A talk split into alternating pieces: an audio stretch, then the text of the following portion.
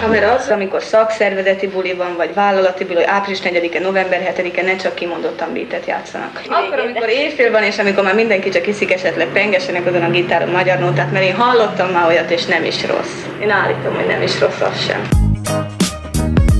Annó Budapest, az ismeretlen főváros és Punks Dead Miklós.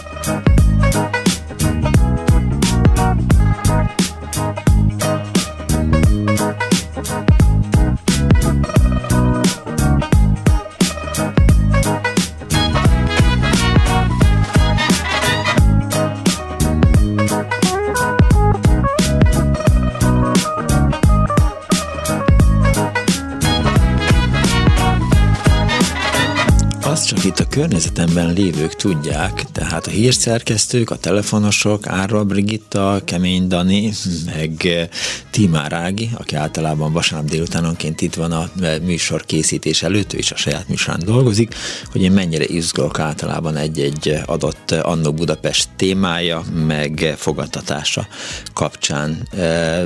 Higgyék el, nekem ez tényleg így van, tehát, tehát sosem megyek biztosra, sosem tudom azt, hogy, hogy mennyire sikerül eltalálnom az önök ízlését, mennyire sikerül megkatnom, vagy megpengetnem önökben valami olyan húrt, amiből aztán egy nagyon érdekes műsor kerekedik. Azt gondolom, hogy a mai témánk, a táncház mozgalom, az, az, az adott esetben lehetne nagyon jó. Tehát amit én itt összeolvastam ebben kapcsolatban, és hát természetesen elsősorban hiányos tudásomat próbáltam pótolni azokkal az írásművekkel, amiket egyrészt a Kardos Józsi küldött át nekem, másrészt meg eh, a szerkesztő halászott elő, harmadrészt meg én megkerestem az interneten, például Abrakovics Endrének a 40 éves a Magyarországi Táncház Mozgalom című eh, nagyon eh, pontos és lelkiismeretes írását, amin így végigrágtam magamat ma délelőtt, akkor azt gondolom, hogy hogy, hogy ez egy ez sok embert megmozgató műsor tud lenni. De hát persze az is látszik, hogy odakint 8-9 fok van, ragyogó napsütés. Lehet, hogy önök kedves hallgatók már úgy vannak vele, hogy, hogy inkább egy kicsit kimozdulnának, mert hogy, hogy egész héten ilyen tök idő volt, meg hideg volt, meg minden. A hideg egyébként még most is áll, de azért a napon bambulni egy kicsit kellemesebb. Szóval jó napot kívánok a kedves hallgatóknak, ez itt az Annó Budapest az önök alázatos narrátorával, Punks Not Dead Miklóssal. Telefonszámunk 2406953, illetve 2407953, és közben, miközben itt indult a műsor, már behozott nekem egyrészt Árva Brigitta egy emléklapot, amit Pálinkás Fuan, a videószerkesztőnk kapott valamikor magyar csárdásért, és eh, miközben így próbáltunk elkészíteni egy olyan eh, autentikusnak látszó felvételt, amit aztán elhelyeztünk a Facebook nevű közösségi hálóna az Annó Budapest, illetve a Klubrádió oldalán, eh, megpróbáltam népi táncolni, és aztán odafordultam Szabados Tími a hírszerkesztőhöz, hogy, hogy ez jó lesz és aztán, mert hát kiderült az adás előtt, hogy Szabados Tímia, azt hiszem, hogy ki mit tudott nyert, vagy ki mit tudom vett részt népi táncosként, tehát számára a táncházmozgalom, hogy úgy mondjam, benne van és hát amit a Huan írt, azt felolvasom önöknek csak, hogy, hogy érezzék, hogy,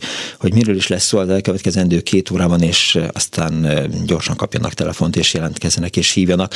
Szóval a Liszt Ferenc téri könyvklubban, a mai nevén írók boltjában már 1972. május 6-án négy vezető táncegyüttes, a Bartók, a Bihari, a Vasas és az építők a széki élmények után megszervezte az első magyarországi táncház eseményt, amiből igazi mozgalom lett Budapest és országszerte. Az egyébként kiderül Abrakovics Endre írásából, hogy hát ez olyan, mint a, egy rendes révparti, tehát egy kicsit ilyen illegál volt. Tehát az első nyilvános táncház azt hiszem, hogy fél évvel később 1973 elején valósult meg. Szóval Szóval, hogy azt írja Huan, hogy Punksneded Miklós kíváncsian várja a hallgatók élményét, hogy ők milyen módon voltak ennek részesei, jártak-e táncázba, és ha igen, milyen táncokat tanultak, milyen ismerettségeket kötöttek, adott esetben jártak Erdélybe. Hogy látják, éle még ez a mozgalom, vagy már beverték a kalota szeget a koporsójába? Tudják hogy 2011-ben az UNESCO felvette a legjobb megőrzési gyakorlatok regiszterébe a Hungarikumnak számító táncház mozgalmat. Hogyan működhetett ez a hagyományőrző mozgalom az átkos háromtérrendszerében? Mi miért állt ki mellette vitán, nyilván a Népművelési Intézet akkori igazgatója, és jöjjenek elő a műsorban a nevek, a helyek és emlékek, Martin György, Sebő Ferenc, Halmos Béla, Röpőpáva, Timás Sándor, Novák Tata Ferenc, Sipos Mihály, Berán István, Kassák Klub, Muzsikás, Csíkzenekar, Lelkes Lajos, Kornis Péter, Foltini Jalán, Toller Anna Huba, Éri Péter és a Fonó, szóval eh, hívjanak és meséljenek, ha önök jártak táncházban, és meséljék el az okát, és meséljék el a tapasztalataikat, mit adott önöknek a Magyarországi Táncház mozgalom. Eh, azt gondolom, hogy akik oda jártak, azoknak rettenetesen sokat, akik meg kimaradtak belőle, azok rengeteget vesztettek. De már itt van velünk az imént említett Berán István, a Táncház Egyesület vezetője. Jó napot kívánok! Jó napot kívánok! Nem tudom, jól foglaltam -e össze azt, amiről beszélni Nagyon szeretnék. jól, egyetlen pici hiba volt benne, hogy Stoller Anna Hubát mondott, illetve hogy tegeződjünk már, jó, mert nekem baromi ne. Ja, jó, rendben, persze, persze, persze.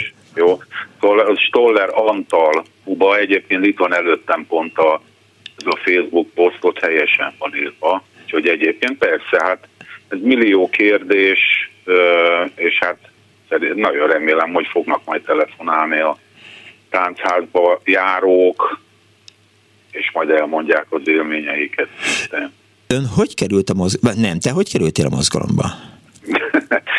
hát nagyon-nagyon érdekes és nagyon jellegzetes dolog. Mostanában ünnepeljük Martin György születésének 90. évfordulóját, és az ő nevelt fia Éri Péter, Éri Pityú uh-huh. barátom, akivel fényképész iskolába kezdtünk együtt járni 72 őszén. És hát engem úgy érdekelt a zene, ezt, ezt a Éri Pityú jól fogadta, elhívott azt hiszem 25. színházban volt Sebő együttes koncert, Kassák táncházba is eljutottam persze később, kicsivel, Na és hát följártam így hozzájuk is, és akkor a, a Martin György, aki Tinka, Tinka bácsi néven ismert mindenki, ugye hát egy, egy tudóst, egy, egy vékony ö, ember képzel elképzelni, aki látoányos volt sajna egyébként, biztos, hogy ez is hozzájárult különben ahhoz, hogy nagyon korán, tehát 51 évesen meghalt, de egyébként egy, egy Bartó kiléptékű tudós ember volt, és csak így félfülel meghallotta, hogy, hogy engem ér, hogy húvos hangszerekkel játszom, és kezembe nyomott egy kazettát, amin dobrúzai török, muzsika volt, ilyen török síkdobos muzsika, meg székelyföldi, amit szintén volt klarinét, Na, szóval meg Eleki Román még erre.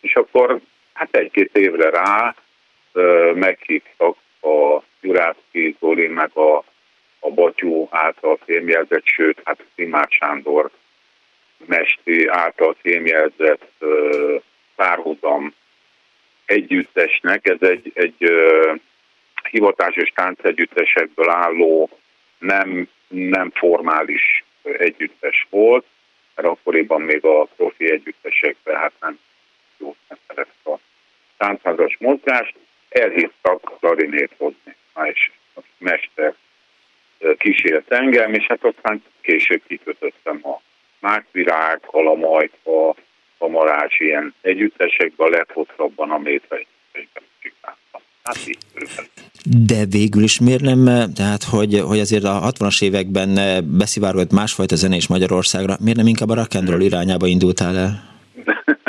abszolút, hát inkább mondjuk a, a jazz irányába indultam el, és pont valami olyasmit kerestem, amit, amit ebbe a, a kötöttségekkel rendelkező, de mégis rengeteg rögtöntési impro, improvizációs lehetőséget adó zenénél. Nagyon hamar, tehát hogy mondjam, akik így elkezdtük, kevés kivétellel nem voltunk képzett zenészek, tehát ilyen nagyon úgy tűnt, hogy, hogy még így is így neki lehet menni, ilyen töltfülően, nagyon hamar sikerélményhez lehet jutni.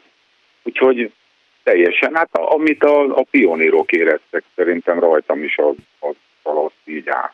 Tehát azóta is egyébként nyilván mondjuk a blues zene, amiben persze nagyon sok hasonlóság van, vagy, vagy akár a, a kézsön, stb. stb. Hát az egyik kedvencem például az akkori Gertotráb. Tehát, tehát érdekelt a, az őszinte zene, az akusztikus zene eset, és hát ebbe ez egy állati jó és most csak szerintem. De akkor már tudtak az emberek népi táncolni? Hát az a helyzet, hogy, hogy ez egy ilyen elég robbanásszerűen alakult ki, tehát ahogy én éppen érettségiztem, amikor az első budapesti táncházat tartották, úgyhogy én nem voltam meg nem is tudtam róla igazából, csak néhány hónappal később, hát azért azokkal az emberekkel, akik ott voltak és elmesélték a dolgokat, ott bizony előzetesen a amatőr táncegyüttesek tagjait uh-huh. megtanították székit táncolni, és úgy tudták ezt az első néhány még zárt körű táncházat megcsinálni. És igazából a, a Timár Sándor és Bartók együttese, tehát az ő tanítványai találták ki ezt a dolgot, mert hát ugye a falusi táncházakból ilyen, hogy tánctanítás ilyen nem létezett, tehát igazából kialakult egy ilyen klasszikus táncházklub formula, ahol főleg az elején, amíg még nagyon nagy szükség volt rá, akkor tánctanítással kezdődött valamilyen tematikával, Aha. több hétig, vagy akár több hónapig, és akkor bárki beállhatott oda, és uh, igazából ez így. A tudományos anyag, a, a már említett Martin György, illetve nem csak ő, hanem tehát akár zenében, nagyon sok nevet említhetnék, András Falvi Bertalan, Vargyas Lajos, uh-huh. Osvai Imrét, Pesovár Ernőt és Pesovár Ferencet, stb. Tehát tényleg táncban is és zenében is hihetetlen mennyiségű gyűjtött anyag már akkor rendelkezésre áll. Az más kérdés, hogy nem volt egyszerű hozzájutni, és hát így a magamfajták elindultunk gyűjteni, és nem is főleg azért, hogy ilyen fehér foltokat felfedezzünk, hanem maga az az élmény, akár a mai Magyarország területén, akár Erdélyben, vagy felvidéken, uh-huh. vagy, vagy tényleg vajdaságban is, hogy még éppen sikerült elcsípni a, a valódi folklór utolsó pillanatai. És ez óriási élmény volt, nagyon sok ilyen mester és tanítvány kapcsolat kialakult, a világlátás, a zenéhez, a tánchoz való hozzáállás, falusi cigányzenészekkel kötöttünk életre szóló barátságokat, meg párszor zenészekkel, táncosokkal, szóval ez egy ilyen ősi-hősi dolog volt, így alakult, és tehát anyag, anyag volt, rengeteg volt bőven mihez jutni, és nagyon hosszú ideig igazából egyre bővült az a kör, azoknak a tájegységeknek a köre, amik bekerültek a táncházas repertoárba, aztán további specializálódás történt, akár kisebb, tehát mondjuk például Szék az erdélyi mezőség része, de ott van Bajdakamarás, ott van Boncfida, uh-huh. és így tovább, és így tovább egymáshoz közeli falvak, vagy Magyar Palatka például, amik eléggé különböző muzsikákkal és táncokkal rendelkeznek, így a fejlődési folyamat különböző pillanatait értékel abban az időben, amikor, amikor ez még úgy él. Hogy látod, utolsó pillanat volt ez? Hogy? Hogy látod, ez utolsó pillanat volt?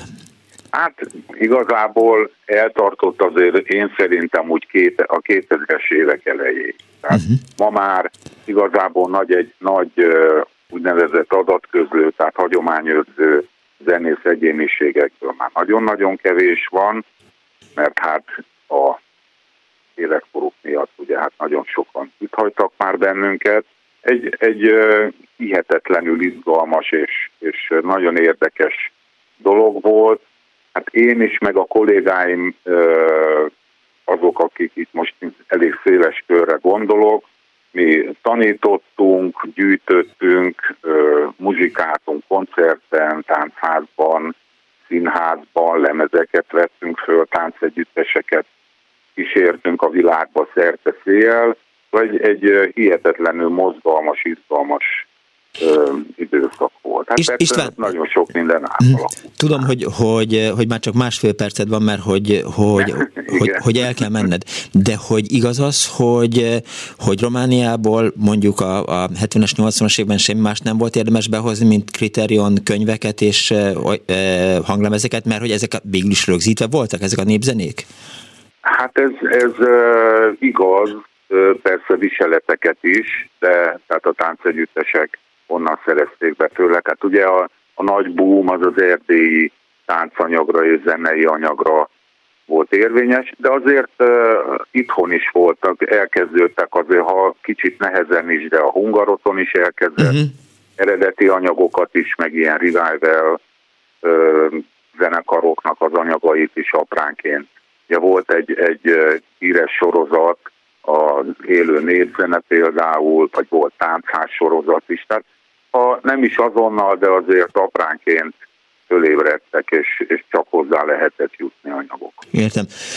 Nagyon sajnálom, hogy most el kell menned, de azt gondolom, hogy tudtuk. Még egy pár percen van, mert, mert na, még mondjuk egy olyan három, Jó. egyébként az ifjúsági antológiára sietek éppen, ami egy évben csak egyszer van ez így jött össze. Mennyire volt, eh, hogy is mondjam, támogatott ennek a mozgalomnak az elindulása, és, és kap, miért kapcsolódtak hozzá eh, negatív jelzők? Hát ilyen népieskedő, vagy hülyeskedés ez az egész. Hát ez, ez nagyon érdekes, sokan sokféleképpen emlékeznek, emlékszünk erre. Nyilván ez így a, a jól ismert 3T, tehát a, a tűrt, a támogatott, tiltott skálán, ez hát minimum a támogatott kategóriába uh-huh. tartozott, de, de a kicsit úgy billegett a támogatott meg a tűrt között.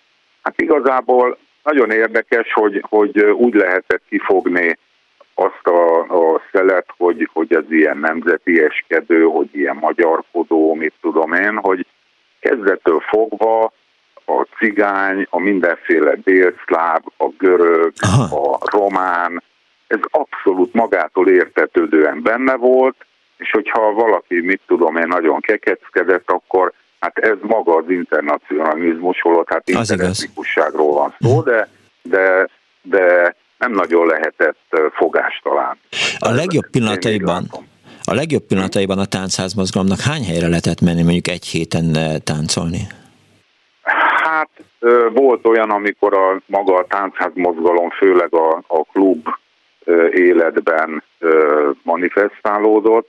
Hát ott bizony kedden muzsikás, szerdán Marcibányi tér, pénteken Almási téren Téka klub, szombaton Kalamajka, Molnár utcába, vasárnap Méta klub, és ez csak Budapestre vonatkozik, és országszerte is sok volt. Hát ma már a táncház klub, mint olyan viszonylag ritkább, de azért persze lehet találni, viszont a táncegyüttesekbe gyakorlatilag a már emlegetett táncház módszer szerint megy a munka jó rész. Sok embert mozgatott meg? Hogy láttad?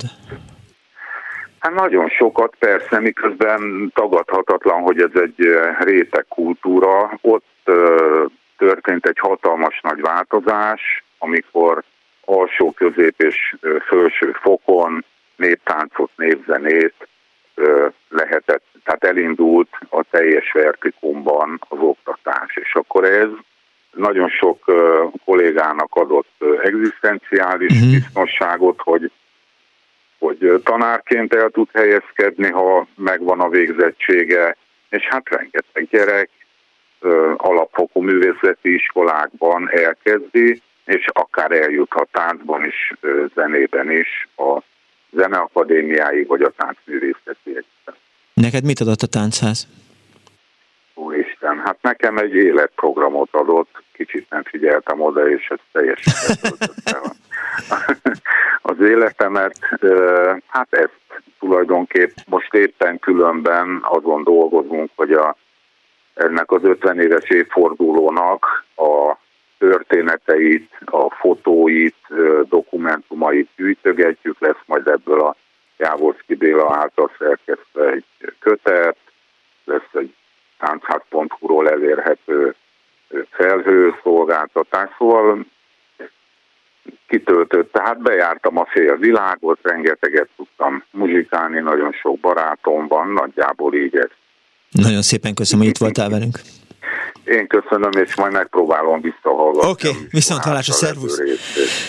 Berán István, a Táncház Egyesület vezetője volt az elmúlt 20 percben a vendégünk. Ebből kiderült, hogy ma a Táncház mozgalomról szól az Annó Budapest 24 06 mert a 24 07 a telefonszámunk, írhatnak SMS-t a 06 30 30 30 95 ra de persze hívjanak és meséljenek, hiszen önök között is vannak nyilvánvalóan olyanok, akik mondjuk mentek és kutattak és megpróbáltak gyűjteni. Halló, jó napot kívánok! Halló! Jó napot! Szervusz, Keszthelyi Imre vagyok. Hello Imre. Hát kicsit gyakran szólok be, de muszáj volt, mert én 50 éves táncházas vagyok. Nem én vagyok 50 éves, hanem 50 éve táncházas vagyok. Első szavam a korrekciójé, ezt azonnal, hogy tisztázódjon, nem Abrakovics, hanem Abkarovics Endre. Ezt érdemes lenne legalább írásban, ha, ha megjelent, akkor javítani. Igen, igen, igen, és ráadásul ts írja Abrakovics. Igen, pontos. Abkarovics, Abkarovics, igen. Kar. Abkarovics, yes. Nem az Abrak, hanem csak hasonlít, Abkarovics. Már csak azért is tudom, mert korrektora voltam az ő könyvének, amikor bedolgoztam a Hagyományok Házában. Én nyomdász voltam én aktív életkoromban is, és mellesleg korrektorkodtam itt ott, például a Hagyományok Házának is. A, a lényeg, amit az élményeimből ki akarok itt valahogy emelni, hogy az, az én generációm számára szerintem ez maga volt az avantgárd, amikor mi az eredeti elsősorban széki népzenével megismerkedtünk, és, és ez, ez annyira magával ragadott, hogy talán már meséltem róla, hogy jártam én Kexre, ami életre szóló nyomot hagyott bennem, és sok mindenre. Uh-huh. De amikor a táncház kialakult, akkor onnantól kezdve én mindmáig táncházasként határozom meg magam. A, úgy kezdődött. Ja igen, és én az, ugye azok, azon tipikus táncházasok közé tartozom, akiknek nincsenek igazi vidéki gyökerei. Én pesti gyerek vagyok, Pál utcai fiú.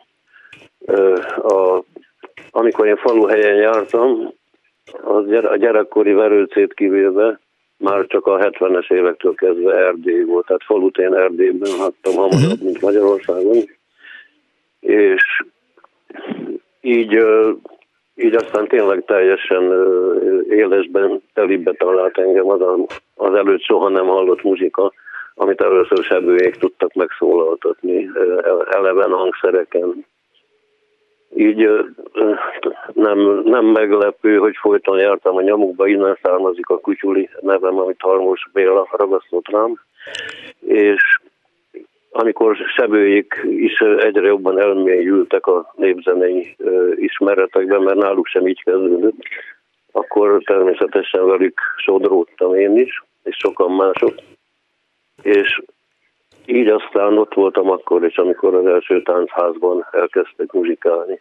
Ennek előzménye számomra az, hogy beszéltünk itt a kritériumról. Igen. A kritériumnak volt egy nagy reneszánsza a 60-as évek végétől kezdve, vagy tulajdonképpen akkor alapították talán meg, uh-huh. mert Ceausescu-nak az akkori politikája egy átmeneti ideig nagyon nyitott volt. És akkor a, a magyar kulturális élet is fellendült Erdélyben, és egy, ennek köszönhető a kritérium számos kiadványa, például Kallus Zoltánnak a Balladák könyve című mái korszakalkotó gyűjtése, és akkor átengedték Kallus Zoltánt, mert korábban soha, hát átengedték Magyarországra, hogy a könyvet bemutassa itt is értő közönség, vagy érdeklődő közönség előtt. Na, ezekre én természetesen elmentem, mert valahogy hírét vettem, és hát nagy élmény volt az a sok felvétel, amit Való Zoltán megmutatott az UHR magnóján, és hát ő maga is tudott énekelni, énekelt is, Doromban játszott, nagy lenyűgöző volt az egész. és amikor másodjára jött Budapestre, akkor már magyar kiadású volt ez a könyv, új második kiadása, akkor Romániában már nem is igen lehetett volna, mert addigra eldurvult a Ceausescu rendszer. És ennek a könyvbemutatónak, az egyik nagy könyvbemutatónak a helyszín a FMH körterme volt, ahol korábban Illés klubra is jártam, meg, meg Hobót is hallottam az éppen megalakuló bandájával.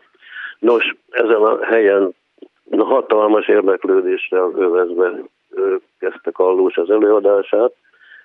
Annyi, akkora volt az érdeklődés, hogy én csak a kabátomat a jegyszedő néni kezében hátrahagyva tudtam bejutni. És mert ő már visszafogott volna. És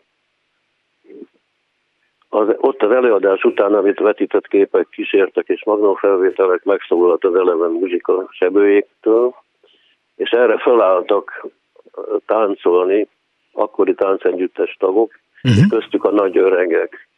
Tehát Timár Sándor, Novák Ferenc, Tata, Pesovár Ferenc és Martin György négyen együtt jártak egy legényest, egy, egy széki sűrű tempót. Hát ez, ez is olyan nagy meghatározó élmény volt, sose felejtem el. És utána lehetett próbálgatni a táncfigurákat.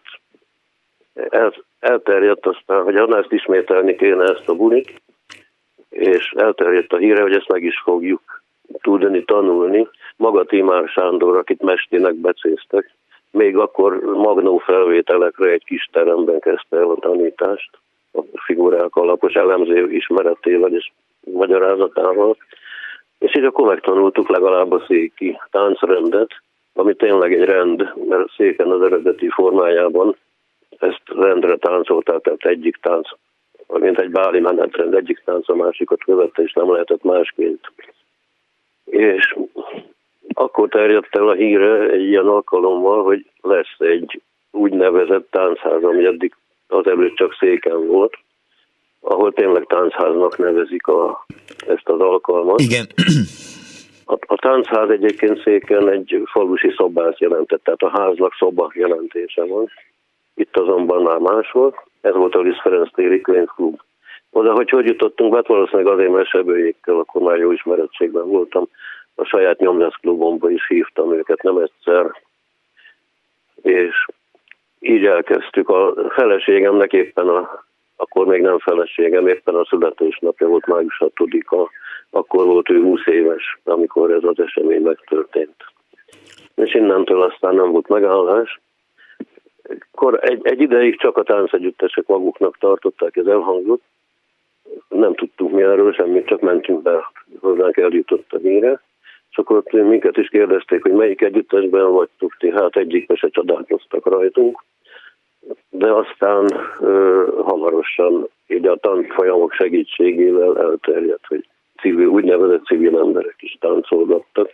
És akkoriban még a mivel nem volt olyan sok táncismeret a birtokunkban, volt idő arra, hogy egyestén legyen magyar és úgynevezett nemzetiségi táncház, mindenféle délszlám, görög. Uh-huh. A görögök nagyon aktívak voltak akkor még, a görög fiatalok, az emigráns szülők gyerekei is.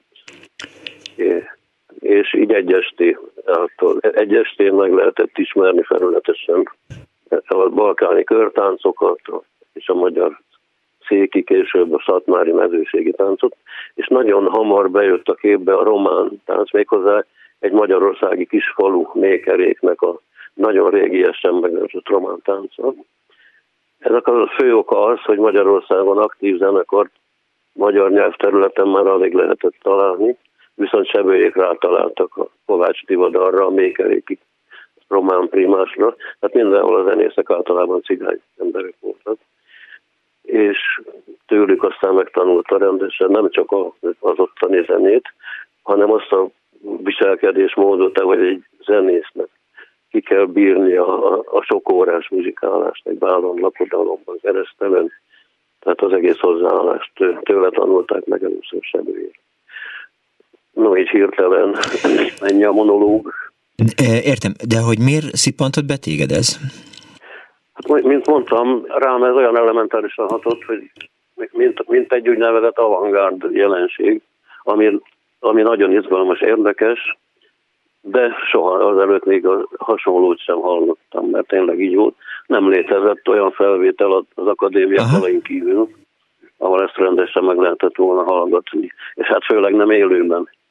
Aki olyan szerencsés volt, hogy mit tudom, én ismerősei révén járt Erdélyben ilyen falvakban, nem sok ilyen ember lehetett, azok találkozhattak esetleg vele. És amikor ott voltál az FMH-ban, akkor gondolom még nem tudtál táncolni, tehát... Nem bizony. Az is érdekes, hogy ugye a múltkori tánciskola témát behoztam, és abból kiderült, hogy félszeg gyerek voltam, és botladoztam, nem tudtam táncolni, és nem is tanultam meg a híres táncmesterektől sem. Úgyhogy aztán rám a diszkóvilág hatott felszabadítóan, mert ott nem, nem volt kötött fogás, ott lehetett szabadon mozogni. Ugyanis én még mindig féltem igazából a lányokhoz hozzáérni, bár nagyon vágytam erre. És akkor, mikor jött a táncház, addigra kezdett oldódni ez a görcs, és, és akkor már a kötött fogású, mert aztán erősen kötöttek valóban, bár van benne improvizációs lehetőség, tehát ezeket ott már megtanultam, elsajátítottam, és van olyan, amiről már azt mondom, hogy abban saját figuráim vannak, tehát tudom használni, mint ahogy az ABC-t használja az ember, mikor ír vagy beszél. Tehát ha most eh, Kemény Dani eh, előrántana egy, egy felvételt, és bejátszana, bejátszana, akkor te már biztos, hogy le tudnád mozogni. Így van, hát pontosan, legpontosabban akkor, vagy leg, leginkább hozzám közel állóan akkor, ha az mezőségi muzika lenne. Aha.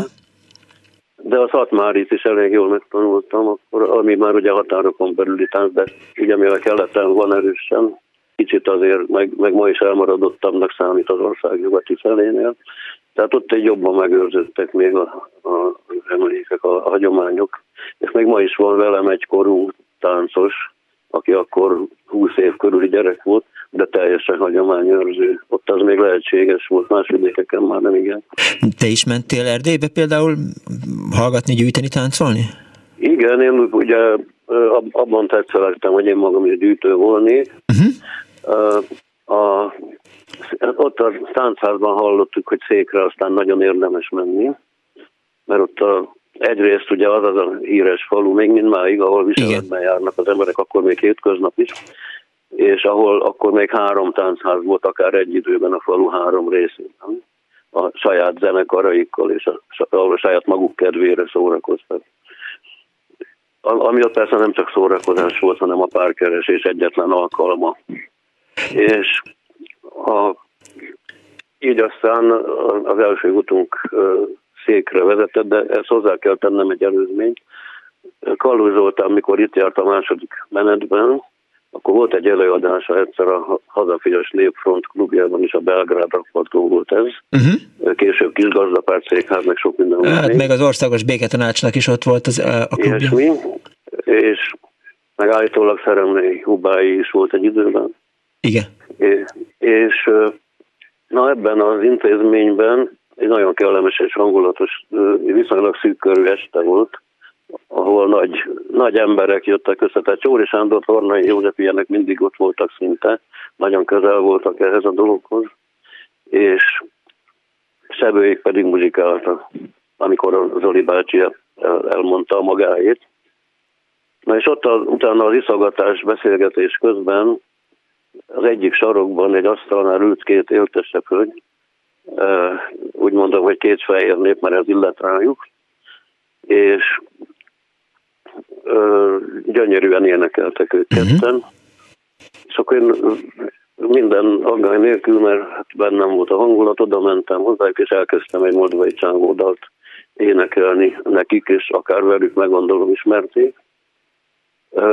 Ezt én az egyetlen akkor létező magyar kvaliton lemezről tanultam meg, ahol moldvai és, és egyéb népzenei gyűjtések voltak. Egyetlen egy két oldalas nagy lemez volt, létezett akkor még Magyarországon ilyen.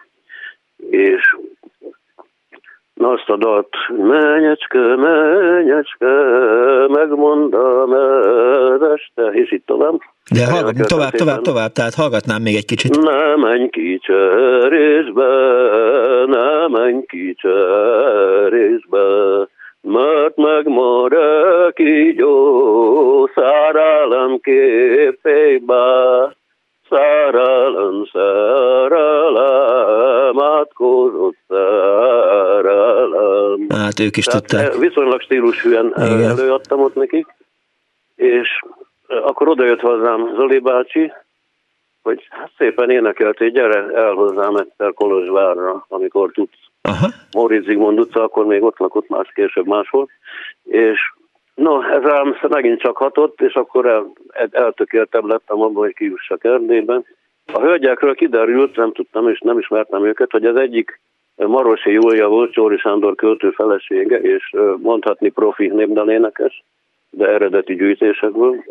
A másik pedig Kóka Rozália volt, aki a Magyarországra áttelepült bukavinai székelyek érdi csoportjának volt a hagyományozó csoportjának volt a vezetője. Ma is aktív és gyönyörűen tud mesélni ebben a bukovinai székely tájszólásban. Na és ilyen, ilyenek közé álltam én oda, hát és befogadtak. Na így akkor elkerültünk 72 nyarán mindjárt a táncád első évében, ha jól emlékszem, Erdélybe. A feleség akkor még barátnőmmel, aki most is a feleségem, itt hallgatja a rádiót a szomszéd ágyban, és elkerültünk, de érdekes volt oda jutni, akkor még nem létezett rendes út sem székre, ilyen dülőút volt, ilyen kövekkel megszórt, kicsit megszórt dülőút, ezért nem is jártak rendes buszok arra, hanem ilyen a kursza, tehát a járat, ahogy nevezik, az, az ilyen padokkal ellátott platós teherautó volt, és ezekkel utaztak. Elsősorban a, akik munkába jártak el székről és haza, ilyenek utaztak vele, úgyhogy már ott a Györgyfal negyedben, ami a szék felé vezető egyik út, oda kellett kiállni, megkaptuk a fülest, és akkor fölkéreckedni. Ott már olyan emberekkel találkozunk, akik arra tartanak és útba igazítanak, így is lett, és a cégkiviseletes ember is már elég sok volt. A kék részgombos lájbi, a fehér ing, az almakalap, bár munkaidőben inkább hordtak kockás flanellinget, mint a pedagógusok szoktak, és akkor fölkérezkedtünk egy ilyen kocsira, ott már nagyon kedvesen fogadtak, a pálinkás üveg is azonnal körbejárt, Na az is érdekes, amikor a pálinkás üveget nyújtja felém a széki ember, én meg kapnám el, de ő visszarántja, és maga iszik belőle, és mondja, hogy egészséget, vagy békességet. Hiszen ott az a szokás, hogy aki kínál, az iszik először. Hát ezt meg kellett szokni. Szép szokás. Hát most már én jezgetem meg a partnereimet, a kínálom, hogy én iszom először. Megérkeztünk. Székre közben már kérdezgettek, van-e hol megszállnunk, Véletlenül volt, mert egy korábban ott járt táncházas hölgy adott nekünk címet. Bigfalvi Mihályékhoz mentünk a, a Székely utcába. Ez egy kis, kis szegényes utca volt a falu aljában, már a földek táján. Dimbes dombos a környék, úgyhogy a, vannak magasabb pontjai a falonnak, és három utca van, így nevezik, de ezek a fő utcák, és sok kicsi utca sikátor van de utcának nevezik a falu részeket. Első utca, második utca, harmadik utca, Felszeg, Forrószeg, Csipkeszeg. Na így a Felszeg aljába kerültünk, nagyon kedvesen fogadtak. Le, le, azonnal ágyba parancsoltak pihenni, mert nagy út állt mögöttünk. De másnap volt a birtalan nap, nem tudom, ki tudja, ki nem, és hogy miért nem bertalan. Azért nem bertalan, mert a széki mezőségi nyelvjárásban ezt ível mondják, Egyébként a, a széket is szíp, a szép szó is szíp, a, úgy, úgy mondta a Zoli bácsi, hogy olyan lapasan beszélnek a mezőségiek. Uh-huh.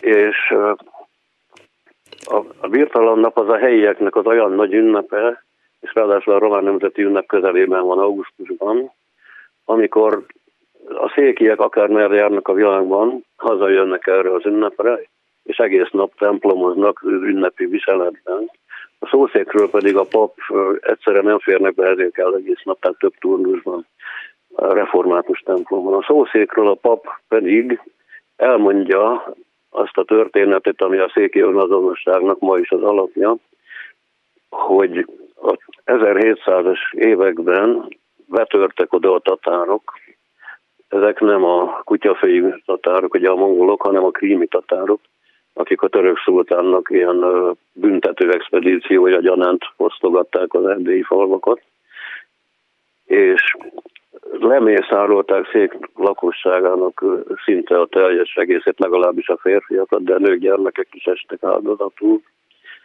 és kevesen maradtak meg. Na erre emlékeznek azóta is minden évben. Ez az őszember, talán éljük lehet így mondani.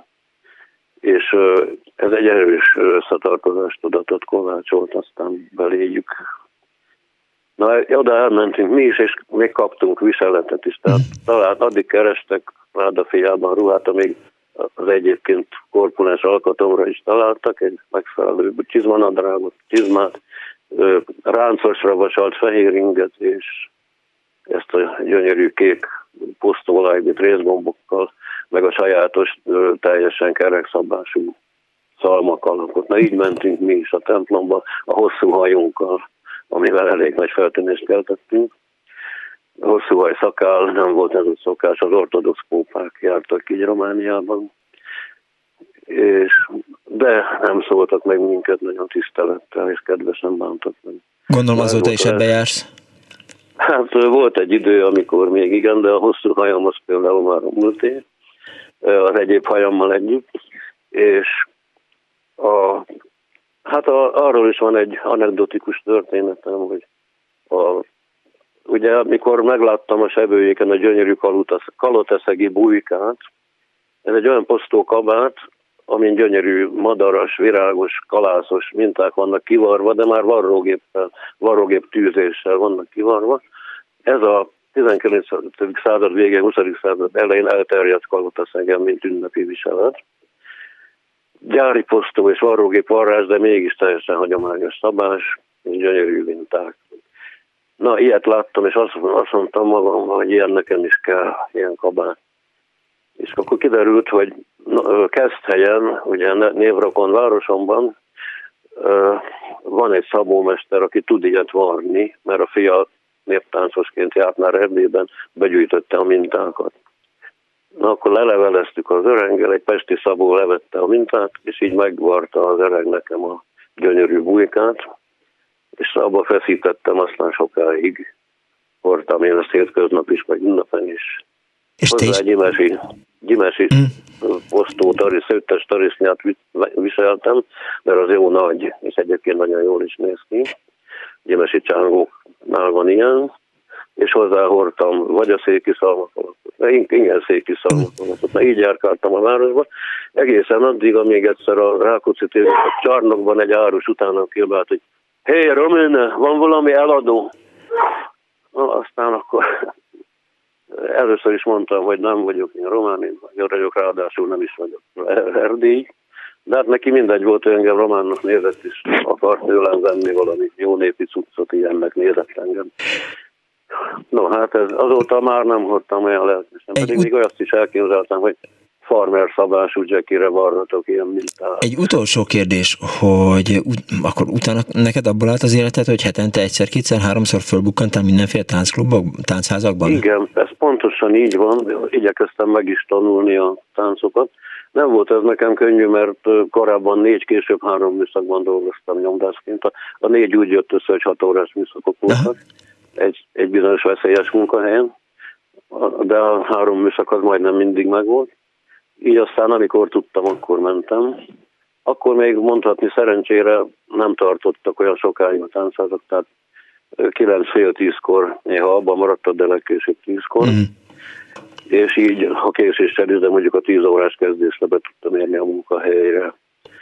És akkor viszont még szokás volt, hogy a, a, a 11-ig nyitva tartó Gellért sörözőbe elmentünk csoportosan az FMH-ból, és az a hölgy, aki egyébként széken, székre minket udva igazított, az, annak az volt a szokás, hogy kikért egy hasáburgonya tartát, és ahányan voltunk, azt körbeadta, és mindenki csipegethetett belőle. Értem.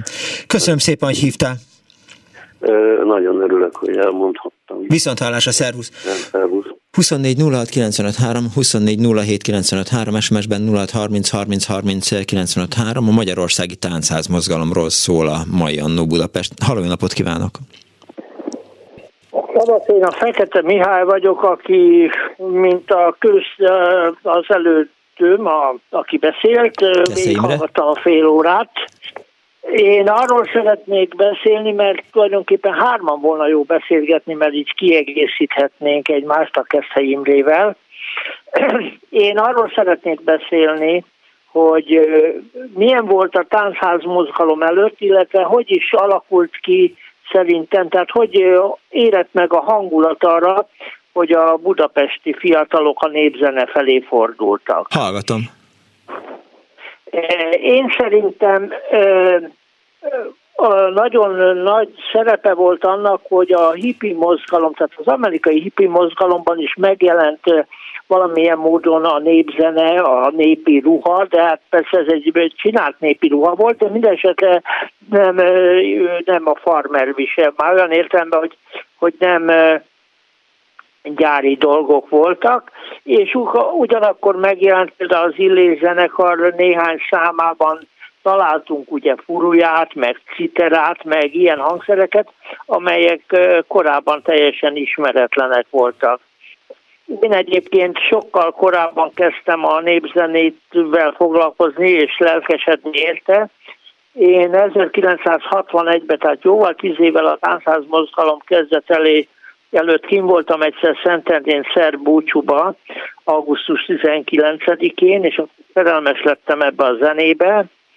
66-ban megismerkedtem egy szerb lányjal, aki megmondta, hogy hova lehet menni szerb táncokat táncolni, mert akkor ugye Pomázon, Szentendén, Csobánkán, Budakalászon, Tökölön, Lórében és rengeteg más helyen voltak ilyen szerb bálok. Uh-huh. Tehát ennek még semmi köze nem volt a táncház volt, mert ez egy fikcionális szerb szokás volt, és akkor én erre elkezdtem járni, és hát ott meg is tanultam táncolni, sokkal korábban már, mint amikor a táncház mozgalom elkezdődött. És akkor felfedeztem azt is, hogy a bulgároknak is van egy ilyen eseménye minden májusban, fönn a Szabadsághegyen, illetve akkor már volt a bulgár kultúra háza, ott is volt egy, egy évben kettő, aztán megismerkedtem egy görög sráccal, aki elmesélte, hogy van Belojániszban augusztus 20-án minden, minden évben egy görög ünnep, meg a budapesti görög csapatnak is vannak rendezvényei, tehát ilyen nemzetiségi dolgokra jártam, de ugyanakkor nagyon vágytam volna a magyar népzenére is, ha az eredeti lett volna, de hát akkor ugye a Magyar Rádióban csak úgynevezett ilyen éttermi cigányzene szólt, nép, népzene címén, és azt valahogy nagyon utáltam. Az Imre is említette, hogy volt az érdi asszonykórus, amelyek ide telepített lángok voltak, még a háború után telepítették őket, és például volt a Petőfi Rádióban egy Mezők falvak éneket című műsor, ahol, ahol eredeti népzene szólt, ez egy héten azt hiszem egyszer volt fél óra, na ez nekem nagyon tetszett. Szóval, és nagyon vágytam volna rá, hogy legyen néptánc is, de hát erről egyáltalán nem tudtunk annak idején, úgyhogy én tulajdonképpen a szerb népzenével ismerkedtem meg először, uh-huh. illetve a nemzetiségiekkel. Aztán ugye jó barátaim voltak még mielőtt megalakultak volna a Kaláka együttes, akik elkezdtek ilyen népi hangszereken is játszani, a Gilluszanit kivittem Pomázra, be is épített egy pár zenét, amit ott hallotta a saját verses dalai közé.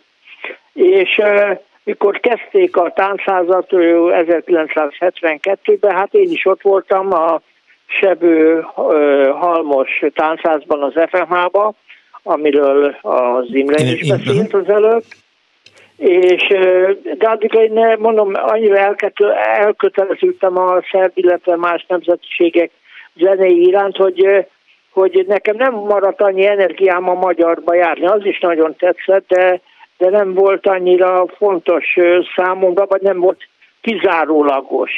És aztán én elmentem szintén Romániába, nekem is lett egy olyan Uher Magnum, mint a Kalló Zoltánnak még 1970-ben, és akkor én is jártam a tájakat Erdélybe, de én nem akartam magyar vidékre menni, nem akartam székre menni, mert minden magyar oda járt, és én nem akartam egy a sok közül lenni, én Máramarosba keveredtem el, ahol egy esküvőbe hívtak meg, és utána nagyon sokat jártam Máramarosba, aminek egész egyedi tánzenéje van, illetve népzenéje van, és azt szerettem benne, hogy ott voltak ukránok, magyarok, románok, tehát különböző nemzetiségek, és Romániához képest ott nem utálták egymást az emberek, és ennek én nagyon örültem. Úgyhogy mindenféle ukrán népzenét is össze tudtam szedni, meg különböző dolgokat. Aztán jártam cigányokhoz írni, olvasni, tanítani őket, én 70-es évek elején, és akkor megígértük nekik, hogyha szépen tanulnak, akkor felveszem a zenéjüket, és akkor még a Kajiág előtt legalább tíz évvel én nekem már volt eredeti cigány népzeném, és ma is megvannak ezek, és én azt hiszem, hogy máshogy álltam hozzá egy kicsit ezekhez, túl azon, hogy annyira érdekelt a jazzzene is, meg a rockzene, úgyhogy nem tudtam ennyire csak magyar népzenével foglalkozni, de a táncház mozgalomban azt hiszem nagyon benne is voltam, és elkezdtem ide-haza nálam is táncházakat szervezni minden évben egyszer. Nekem egy nagy kertes házam van, egy 90 négyzetméteres tetőterasszal, és ottan meghívtam hát a Vujicsics együttest, és minden évben egyszer nálam jöttek össze azok, akik tudtak szerb táncokat táncolni. De te, amikor, és, amikor zenét gyűjtöttél, akkor, akkor táncot is gyűjtöttél? Nem, mert nem, mert filmezni nem tudtam. Aha, értem. Tehát leírni a zenét se tudom, nem hogy a táncot. Mert a táncot leírni az egy nagyon nagy tudomány. Igen? Ugye, tehát azt, aki ezt le tudja írni, az csak szakember lehet. Én meg egyáltalán nem vagyok szakember, de filmezni, én azért nem gyűjtöttem filmet, egyrészt mert nem volt filmfelvevőgépem, másrészt akkor még a, a filmhez nem tartozott a hang is hozzá. Igen, igen, igen, igen. Figyelj, most hírek jönnek, egy kicsit tartsad, mert még biztos, hogy marad benned egy-két gondolat, benne meg biztos, hogy maradt egy-két kérdés. Jó, jó. Jó, oké. Okay. Okay, hello. 24 de 24 táncházak a mai Annó Budapestben hívjanak és meséljenek. Ellenkező esetben szabados tímmel fogunk itt táncolni.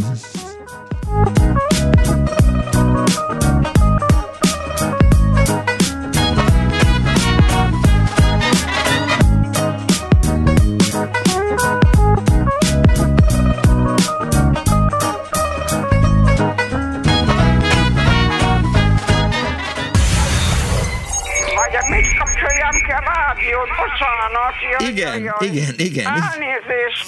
Jó napot kívánok! Mert ez a kis éppen olyan jó, és éppen azt teszi, amit kell. Annó Budapest, az ismeretlen főváros és Punksnodded Miklós.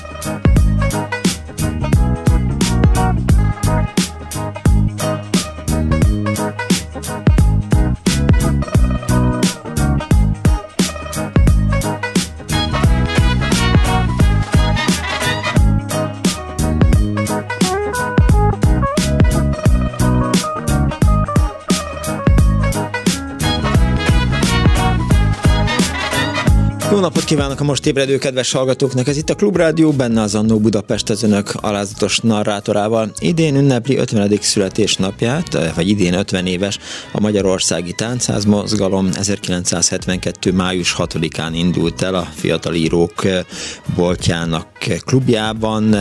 Erről beszélgettünk már először Berán Istánnal, aztán Keszt Imrével. Most éppen egy másik kedves hallgató van a vonalban, akinek a szavaiból már kiderült, hogy még a táncház mozgalom előtt kezdett el zenéket gyűjteni, és még arra is vigyázott, azt el is felejtettem megkérdezni Keszte Imrétől, hogy oké, okay, rendben lement székre, de hát a székek már nyilván unták azt, hogy, hogy folyamatosan érkeznek Magyarországról az ifjú bölcsészek, vagy az ifjú nyomdászok, és mindenki gyűjteni akar, amit közben már mindent összegyűjtöttek, de ez nem kérdeztem meg úgy, hogy ez csak egy felvetés volt, vagy, vagy feltevés volt. Lehet, hogy tévedek, és a székek pedig nagyon örültek örültek neki. Egyébként eh, most eh, felütöttem egy cikket 1997-ből eh, a Szabad Föld.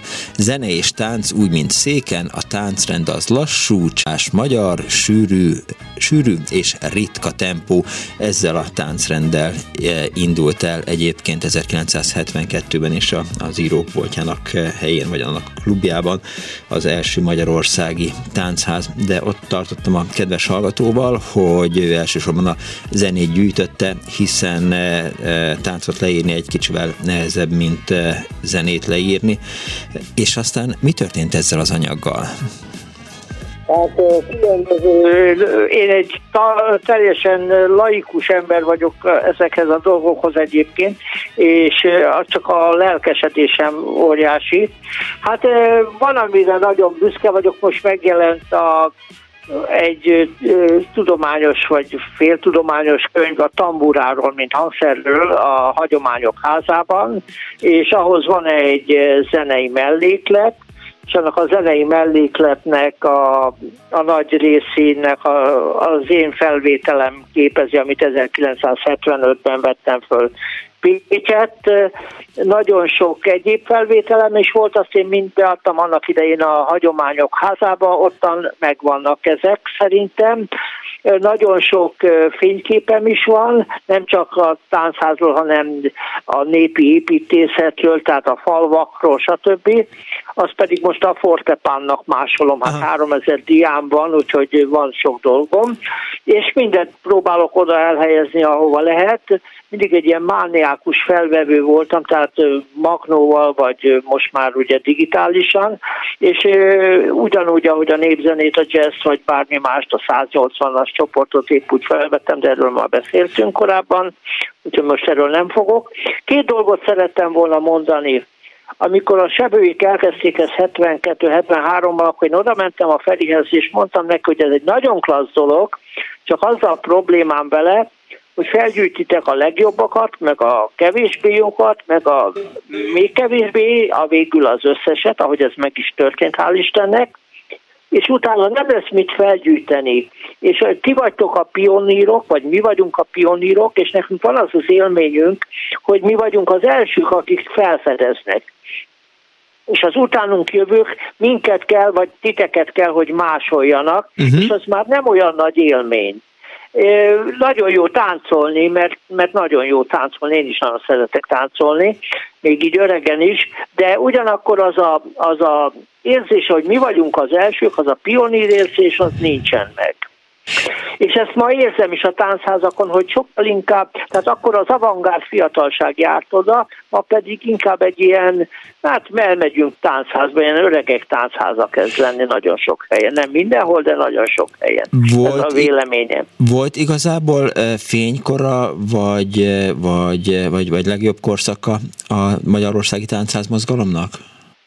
Azért nem szeretném úgy mondani, mert mindenkinek a 18-tól 30 éves koráig volt mindenben a fénykora. A rockzenének is úgy érzi, hogy akkor volt a fénykora, és mindenek. Te úgy érzed, hogy mit tudom én, az Európa kiadó, vagy az Edda művek, mert neked, te annyival fiatalabb vagy nálam, neked az volt, nekem nem az volt, nekem a Rolling Stones, Beatles, meg a, a, az Illés együttes volt, vagy a nem tudom micsoda. Tehát ezt én így gondolom, hogy ez nem attól függ, hogy, uh-huh. hogy, hogy volt-e.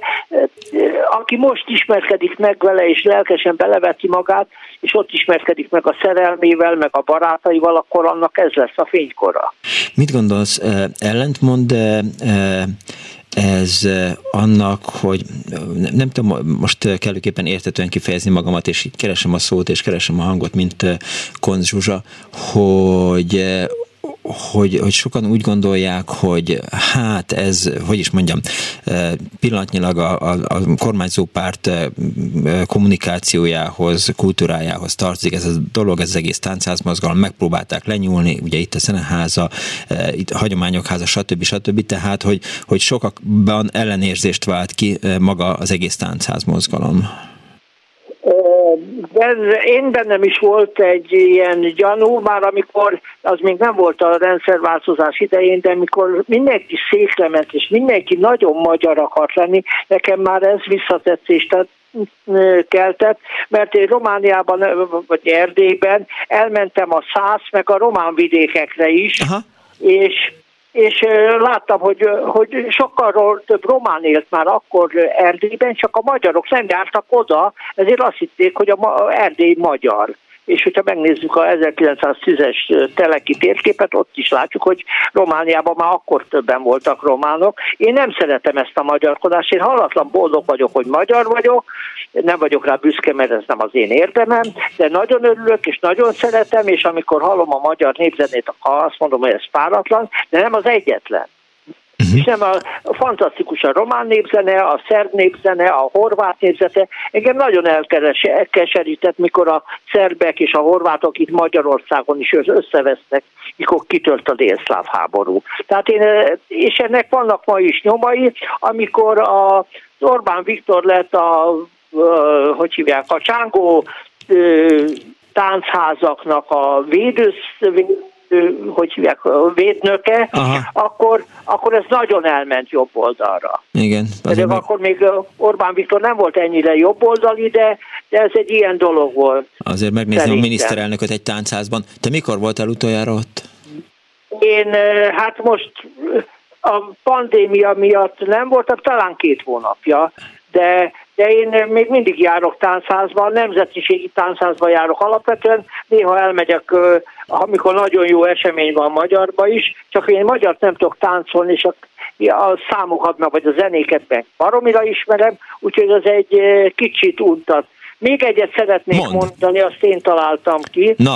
hogy egy unikális kor gyermeke vagyok, vagy a korosztályom egy unikális társaság, mert mi vagyunk az utolsó társaság, akik még fel tudtak gyűjteni élőben népzenét eredeti Igaz. adatközlőktől, és az első társaság, akinek volt is ehhez eszköze, tehát Magnója igen. felvevője. Igen, gratulálhatunk magunkhoz, megveregethetjük saját vállunkat. Hát igen, de ezt nem mondtad komolyan, te se Nem, nem, nem, nem, nem.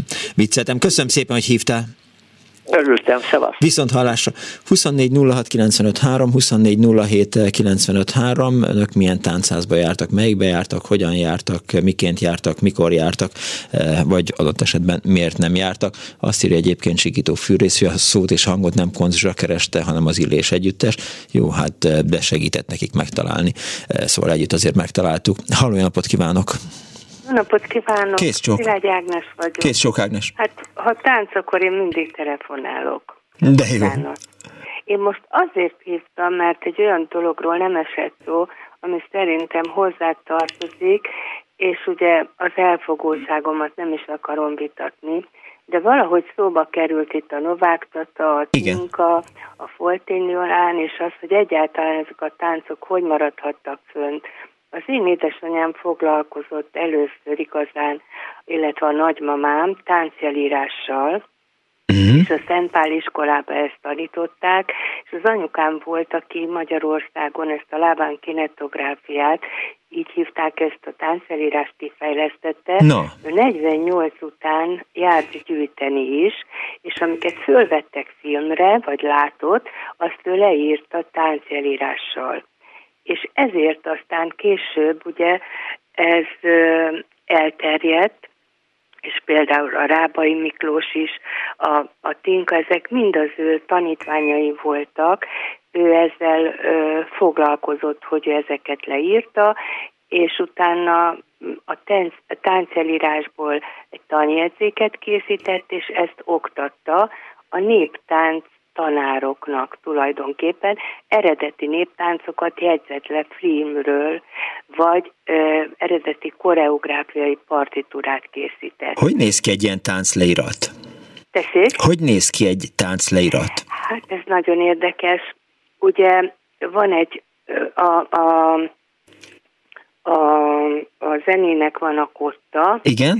Ennek a kottája úgy néz ki, hogy függőleges vonalakat kell elképzelni. Azt el tudom. És a függőleges vonal ugye az egyenes, és akkor ha azzal szembánk ugye van jobbra és balra. Uh-huh. És az egyes a lábnak és a kéznek van külön jele, képzeljen itt el egy, mit tudom én, egy háromszöget, vagy egy, egy téglalap alakot besatírozva, vagy ferdén satírozva, Aha és itt több függőleges vonal van, aminek mentén aki ezt megtanulja, mint a kottát, ugyanúgy le tudja olvasni. Nem tudom, hogy elég értetően mondtam az, hát azt gondolom, hogy igen, tehát... Látni kell, mert valószínű nem, nem sokan láttak ilyet, de hát jó, nehéz, ha térben van, akkor több ilyen függőleges vonal van, de hogy aki ezt megtanulta, például a Rábai Miklós, vagy a Tinka, vagy a Novák Tata, mindennek alapján tudtak tanítani. És ő ugyanígy leírta a társastáncokat, a néptáncokat, aki koreográfiát készített, azt is, tehát akkor annak alapján az fennmaradt. És a táncházakban is ennek alapján tudtak tanítani. Akik I- ezt megtanulták, amiről nem volt esetleg film, vagy a film már kopott volt, mert ugye akkor még nem volt azért digitalizálás, akkor ennek alapján lehetett. Tehát ezt úgy kell el, hát a kottához nem hasonlíthatom, mert ugye mások a jelek, de mégis egy olyan tematika szerint megy, csak itt függőleges jelek vannak, és az szerint, hogy hogy van besattírozva, vagy nincs, vagy pont van ott, vagy mit tudom én milyen jel, ezeknek megvan a jele, az szerint kell lépni a bal lábbal, vagy jobb lábbal, és hajlítani, és a kéz külön, és a fej külön, és minden külön ezt ő kidolgozta. Ez meglehetősen bonyolult dolog lehet. ide hozzá tanulni, Aha. nagyon érdekes volt, de hát én ezt nem tanultam meg. Miért nem? Hát én szülésznő lettem, mert nekem az volt az álmom. Jó. Hát, négy éves koromot ápolónő akartam lenni, de aztán szülésznő lettem. Aha anyám is az, az volt, hogy... De, igen? Aha, igen, szülésznőként dolgozott. táncolni imádtam.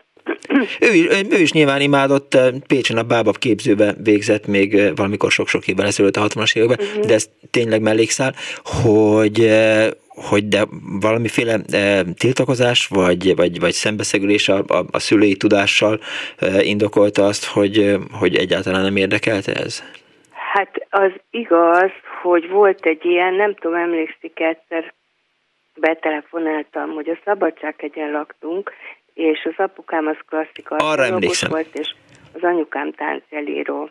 És én meg szerettem beszélgetni ott, és mondtam a, az embereknek ott a fogasnál, akik tisztították a sineket, és igen, a munkásokat átverte. Emlékszel? Igen, igen, igen. És mondtam, hogy anyukám az cukorkapott. Igen, szégyelte egy kicsit a szüleit. Apukám. Hát igen, mert én ezt akkor szégyeltem. Most képzelj el, hogy egy hat éves gyerek ezt hogy magyarázza el? Igen. Hát mikor azt mondtam, hogy tálcseríról, mindenki nézett rám. Nem volt ismert akkor. Ez hát egy hogy olyan most se az. dolog volt. Hát most már más világ van. És ő egyébként olyan szintre fejlesztette ezt a tudását, hogy a végén nemzet, nem, a nemzetközi ö, úgy hívták, hogy ICKL alelnöke lett ennek az egész táncjelírási, tehát ezt világszintre fejlesztette, 78-tól az alelnöke volt ennek a... Ez, ez voltak éppen egy, egy, nevezhetjük olyan, mint a Kodály módszer? A táncfelírás? Igen, igen a lábán kinetográfia, igen. Uh-huh. A mozdulatelemzés alapfogalmai. Ez a lábánnak a ez Németországban volt, és volt egy Knusz nevezető úr, akitől ő tanult Münchenben. Tehát ez onnan indult ki, és Magyarországra ő hozta be, illetve még a, akkor még a nagymamám is ért, mert a nagymamámnak balettiskolája volt a Gorki fasorban, és ő, a, tehát a tánc szeretete anyukámtól, az a nagymamámtól jött, és ő még táncolt is ott, ő inkább annak idején modern táncokkal foglalkozott, és de a táncelírással is. Ott, ott kezdte el az anyu is tanulni tőle, és aztán így, így vette át tulajdonképpen a dolgokat, és fejlesztette ki. Hát ezt csak azért meséltem el, mert hogy talán érdekes tudni azt, hogy hogyan Mm, lehetett ezt megörökíteni, és amit ő megörökített, az megmarad. Hogy most volt a századik születésnapjának a századik évfordulójáról egy megemlékezés, és Fügeti János, aki Magyar Tudományos Akadémián van, ezt valamelyes tovább a tanítványa volt, ő, még él, és még él a Sima is, is aki vele dolgozott, és nem is tudom, már kevesen sajnos. És hát eléggé, hogy mondjam, számítógépesítették, hogy, hogy úgy mondjam a dolgot. Értem. Úgyhogy már, már nem azt mondta, hogy ez már azért nem az a régi, ami volt, és valószínűleg, hogy lehet, hogy ki is fog menni a divatból, ezt nem tudom. Mert már nem nagyon van mit leírni. Hát ja, igen, ugye az előző kedves hallgató pont azt írta, hogy mi vagyunk az utolsó generáció, akik még, még élőben láthattuk, vagy, vagy élő mesterektől tanulhattuk, igen, meg igen. technikánk is volt hozzá. Igen. igen, és itt az élő mesterek, akik ezt, ezt csinálták, azoktól, ami megmarad, az megmarad, és akkor körülbelül itt van a dal vége szerintem, sajnos. De hát úgy gondoltam, hogy ezt azért jó megemlíteni ebben az esetben. Abszolút jó, és nagyon köszönöm szépen, hogy, hogy fölhívott és elmesélte ezt. Én is köszönöm. Egy újabb olyan tudás birtokába kerültem, amit nem tudtam eddig. Köszönöm Igen, szépen, viszont hallásra. 24 06 95 3, a 24 07 95 3, SMS-ben 06 30 30 30 30 95 3. A táncház mozgalomról szól ma az Annó Budapest. Voltak már telefonálók, voltak táncosok, népi táncgyűjtők, tehát most már kiderült, hogy az egyik kedves hallgatónak az édesanyja az tánc leíró volt.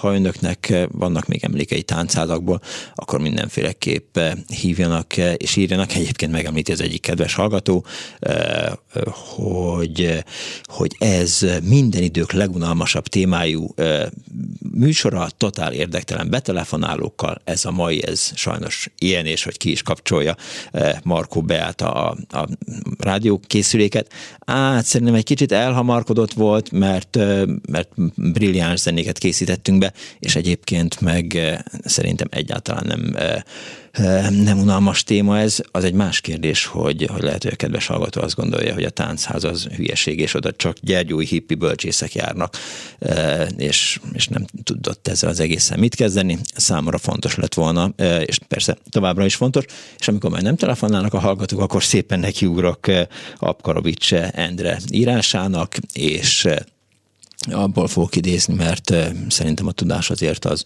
az fontos. 24 06 95 3, 24 07 95 3, illetve 06 30 30 30 30 95 3. Még fölteszi az egyik kedves hallgató a kérdést, Mudri István, hogy volt-e más szó a Merkur időszakról.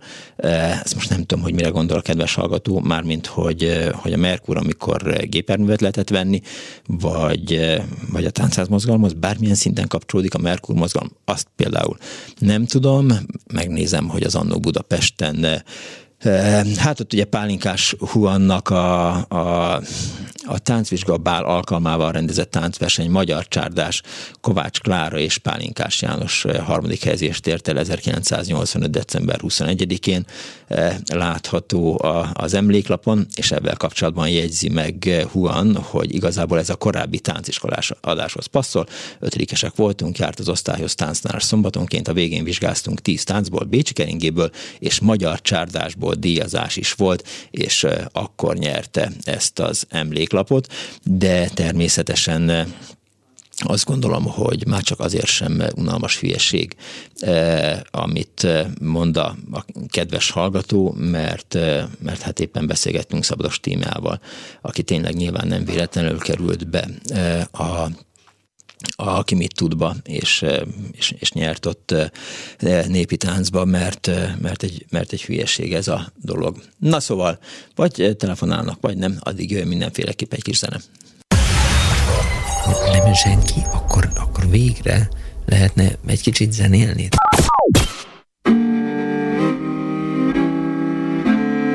Ablakomban besütött a holmi az én babám a baplésüli haját, göndör haját száz felé pújja a szél.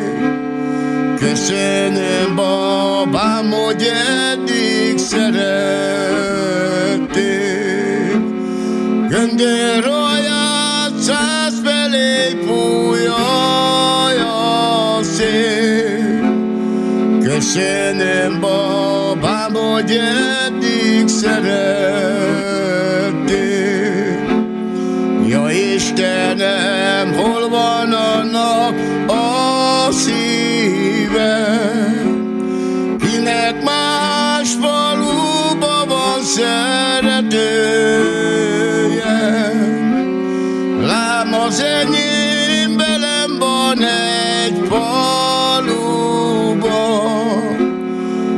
Sincsen a szívem nyugodalomba. Lám az enyém velem van egy faluba, még sincsen a szívem nyugodalomba. Ai dibla lepe mangue so te quiero, pero me queda si voy a me quiero,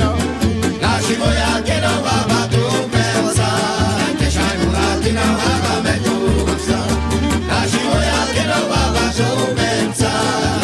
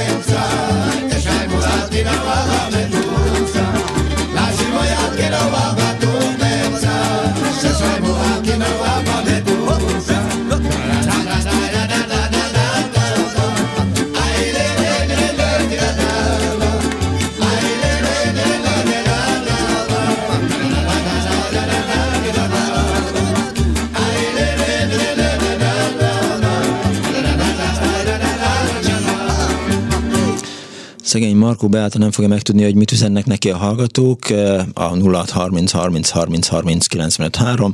Ez itt az Annó Budapest legunalmasabb műsora. 24 06 95 3, 24 07 95 3, SMS-ben 06 30 30 30 95 3. Egy hallgató van a túlsó végén. Jó napot kívánok!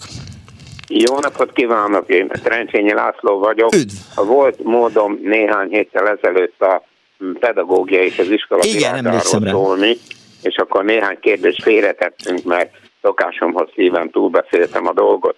Most csak annyit mondanék, különösen, hogy Szilágyi Ágnes után szólhatok, és ő a felmenőire emlékezett, hogy a pedagógia világa nagyon hamar volt fogékony a táncházi mozgalomra, Na. míg a, a politika nem nagyon tudta, hogy mit is kezdjen vele, bár nagyon érdekes adalék, hogy Csóri Sándor nem a hazafiaskodást ünnepelte először a táncház mozgalomban, hanem a kulturális pluralizmus megjelenését így szóró szóra írta le egy kiadványba, de most nem erről beszélnék, hanem arról, hogy Martonvásáron és Budapesten a az Alsóerdősor utcában eh, Salamon Erzsike és Karcagi Éva eh, irányításával napközis foglalkozások keretei között indult meg a gyerekek táncházi mozgalma, aztán ezt felkarolta a gyerektelevízió, és volt eh, Aprók tánca címen, eh, amikor még volt gyerektelevízió,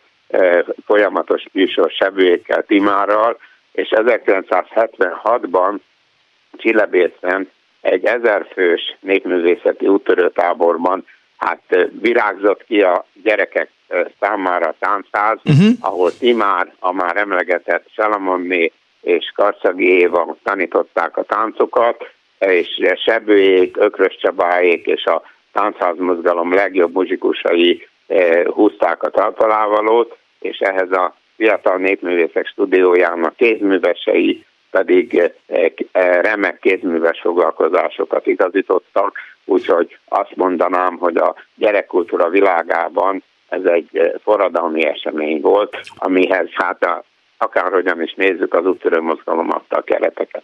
De itt a, ehhez kellett az, hogy, hogy mondjuk a kulturális kormányzat az, az felfigyeljen erre, és mert ha jól emlékszem, akkor 1971-ben kezdtek el Nyíregyházán, talán a Nyíregyházi főiskolán indult először eh, népzene eh, szak, vagy népzene eh, tagozat a, a, a tanárképző. Kicsit később a Jó Bárpád előbb megcsinálta a Déli Báb együttest, és akkor utána került Nyíregyházára, Aha. de ha már szóba jött, akkor a Debrecenben megint csak az úttörőházban az ő fiók együttese, Csobolyó együttes néven lett országos hírű ugyanebben az időben. De visszatérve, tehát, hogy, Igen. hogy erre az oktatási kormányzat felfigyelt, és ezt így tolta, tehát, hogy... hogy... Nem, nem, nem, nem, nem. Azt mondja, az oktatási kormányzat, mint minden oktatási kormányzat a jóformán a 20. századi iskolázás történetében ezek a dolgokra süket volt, ja. de ezt szeretném volna igazolni, hogy a, a gyerekmozgalom, mint ilyen faltörő kos oda tudott rá figyelni, és e, e, térességet tudott nyitni a, a, a kicsinyeknek, és aztán előbb-utóbb azért elérte 95-ben a Nemzeti Alaptanterbe csak-csak bekerült a tánc is. Persze, mert ha megnézzük, hogy elindul mondjuk ugye 1972-ben, a 70-es évek elején ez a dolog, eh, akkor egy idő múlva azért csak megjelenik a, a röpűpáva, az ehhez kapcsolódó mozgalom, a, aki mit tudon is eh, indul, eh, indul népi tánc kategória, tehát szép lassan azért elkezd, hogy is mondjam, beszivárogni, vagy, vagy hogy is mondjam, elfogadottá és népszerűvé válni ez a dolog.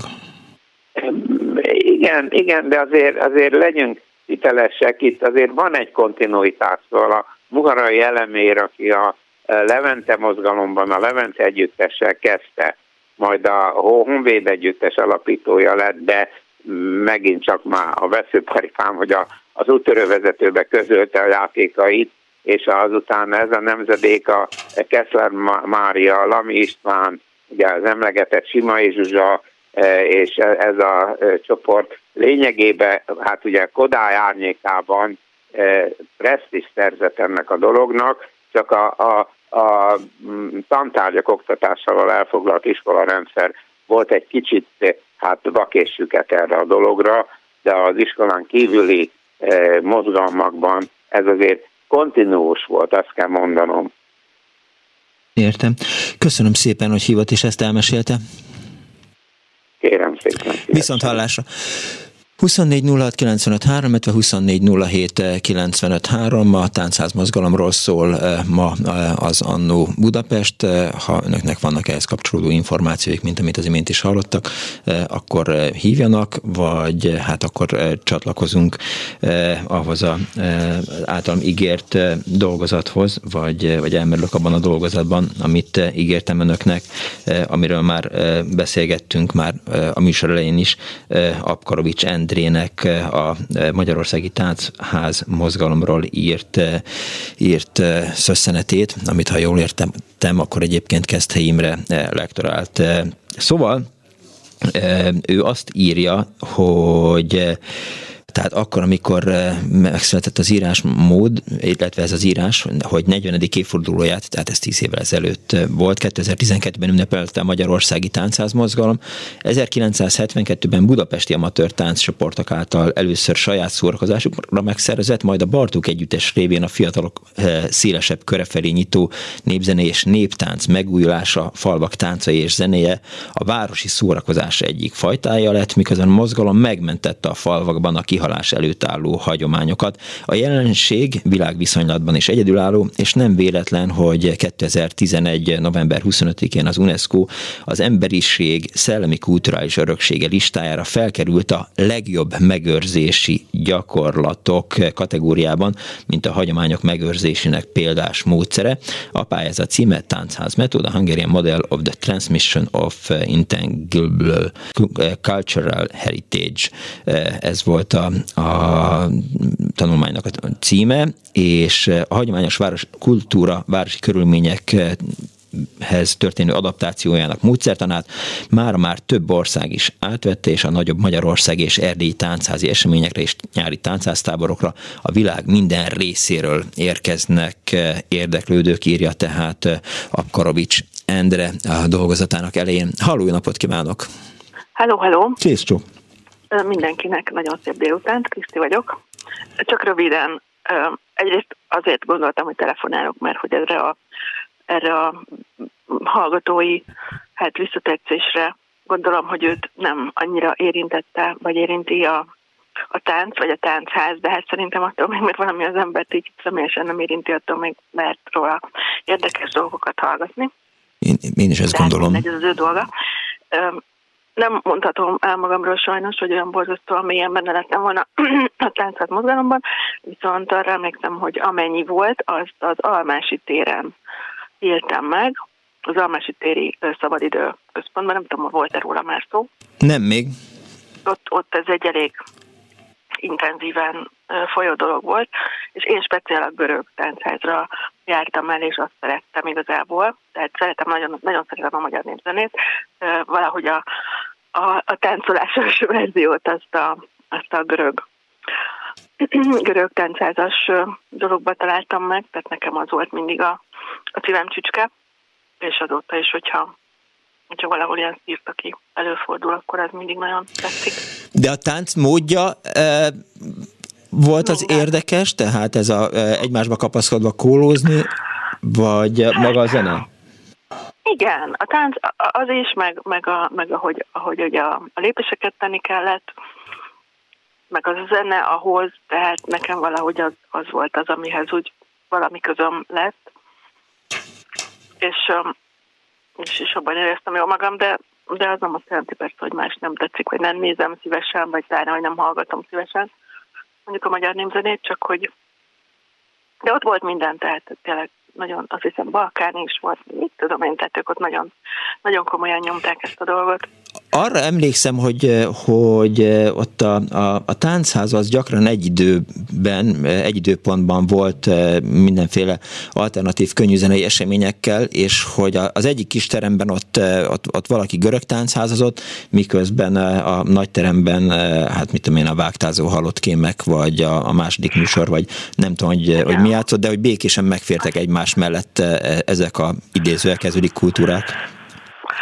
Hát ezt nem tudom, erre, erre így nem, ilyen, de nem emlékszem, hogy, Én igen. hogy ez így lett volna. De lehet, hogy be voltam. Viszont most beugrott, így tök tényleg teljesen hitelen, és nem vagyok benne biztos, hogy az ott volt, de most ehhez kötöm, hogy mintha egyszer lett volna ott az Almási téren egy her, mint a musical is. Aha. És amerikaiakkal, tehát rendes, totál amerikai produkció, és azt hittem, hogy elájulok, hogy annyira profi volt, hogy így, tehát amikor az embert úgy megcsapja annak a szele, hogy egy tehát iszonyatosan jó volt. Tehát erre így nagyon-nagyon emlékszem, és szerintem az is ott volt. De ennek ehhez semmi köze, mert az nem táncát, bocsánat. Értem. Jó, köszönöm szépen, hogy hívtál. Köszi. Viszont hallásra. Hello. Szia. 24 azt írja a hallgató SMS-ben, örülömmel hallom, hogy MB kedves hallgatónak már nem csak Mérő Vera műsorait tartja hallgathatatlannak, ezek szerint valamit jól csináltok. Egy másik hallgató azt írja, drága Miklós, nagyon érdekes a műsor. Én csak egyszer voltam görög táncházban, de sajnos tök ügyetlen vagyok. E, jártam sebőklubba, de csak zenét hallgatni, írta Juci. E, egy másik hallgató azt írja, hogy jó ebédhez szól a Punks Not Dead, illetve hát azt írja az egyik hallgató, hogy Marko Beátával szemben nekem annyira nem unalmas, hogy már megint elkésem a műsort miatt az unokázásból, itt áll a kabátban, és nem tudok elindulni, írta J.M. Na, akkor most eh, zene legyen, vagy, vagy okosság? Hát inkább legyen egy kis okosság, eh, hát ha ked, kedves hallgatóknak kedvet támad betelefonálni. A táncházban figyelj, tehát, hogy általában ez, ez volt a baj mindig a, a, a táncházzal.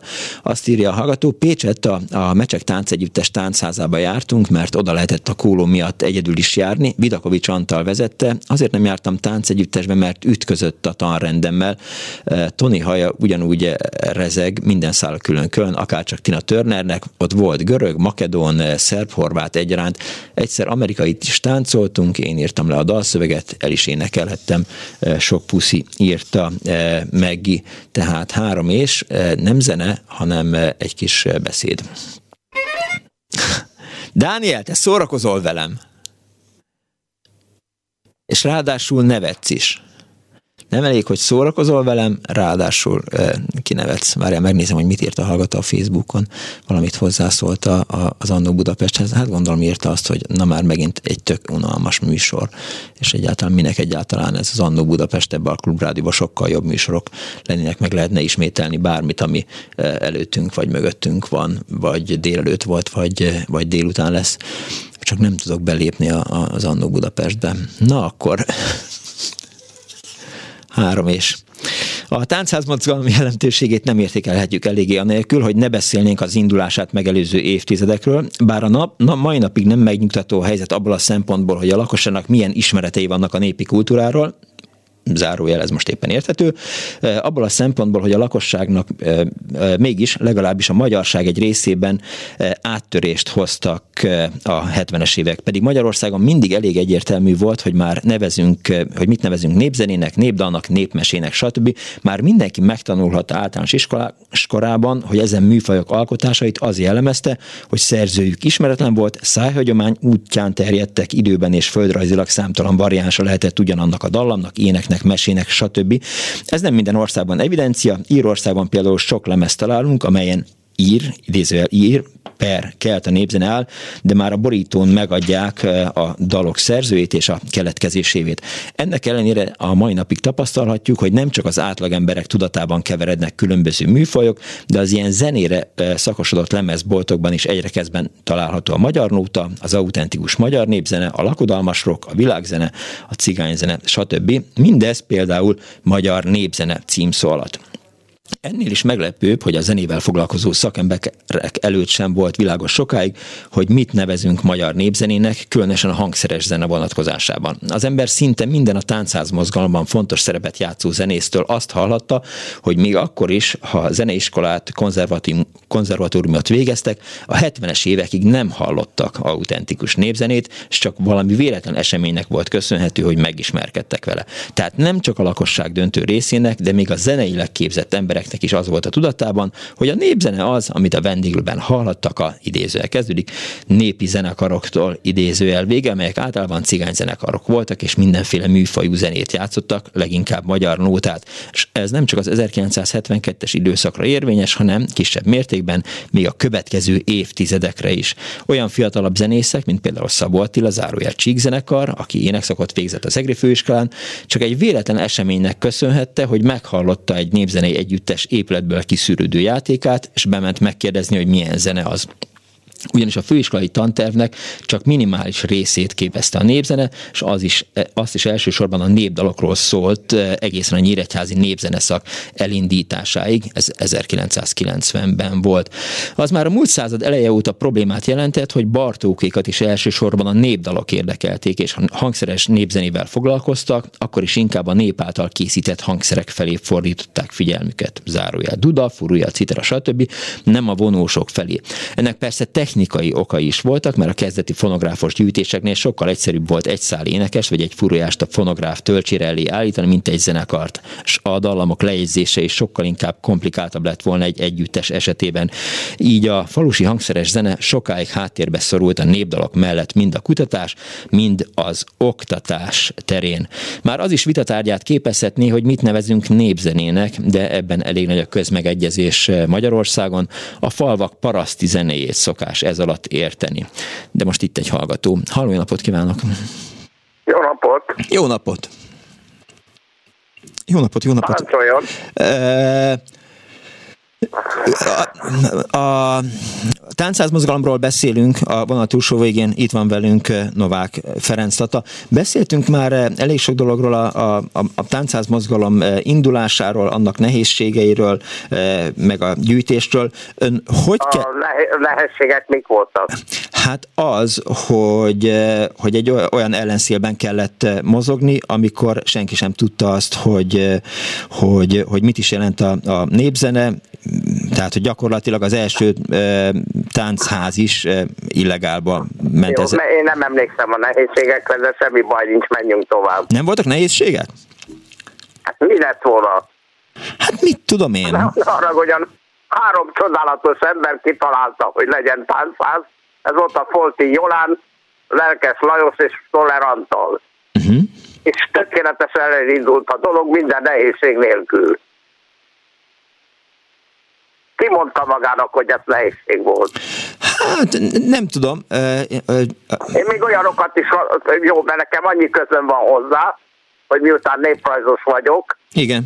és erdélyi, ráadásul szamosűváriak voltak a nagyszüleim, a 13 kilométer székről, és 56-ban, tehát a forradalom évében, augusztusban ismerkedtem meg a székiekkel, a, a Kolozsvári piac téren, és akkor határoztam el, hogy hát miután a nagyszüleim is ott laktak, uh-huh. rögtön elindulok oda gyűjteni, nem tudtam a forradalom miatt csak 58-ba.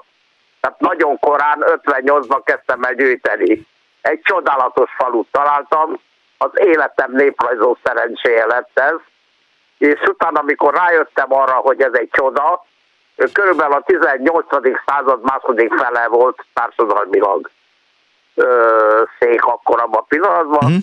Elvittem először a kordist, a 60-as években, tehát rá vagy 4-5 évre elvittem a kordist, az életem megváltozott ezután, akkor kezdte gyűjteni nem csak széket, hanem általában ö, ezt a kultúrát, ezt a fantasztikus szellemi vagyont és szellemi kincset, ami az egész életét megváltoztatta.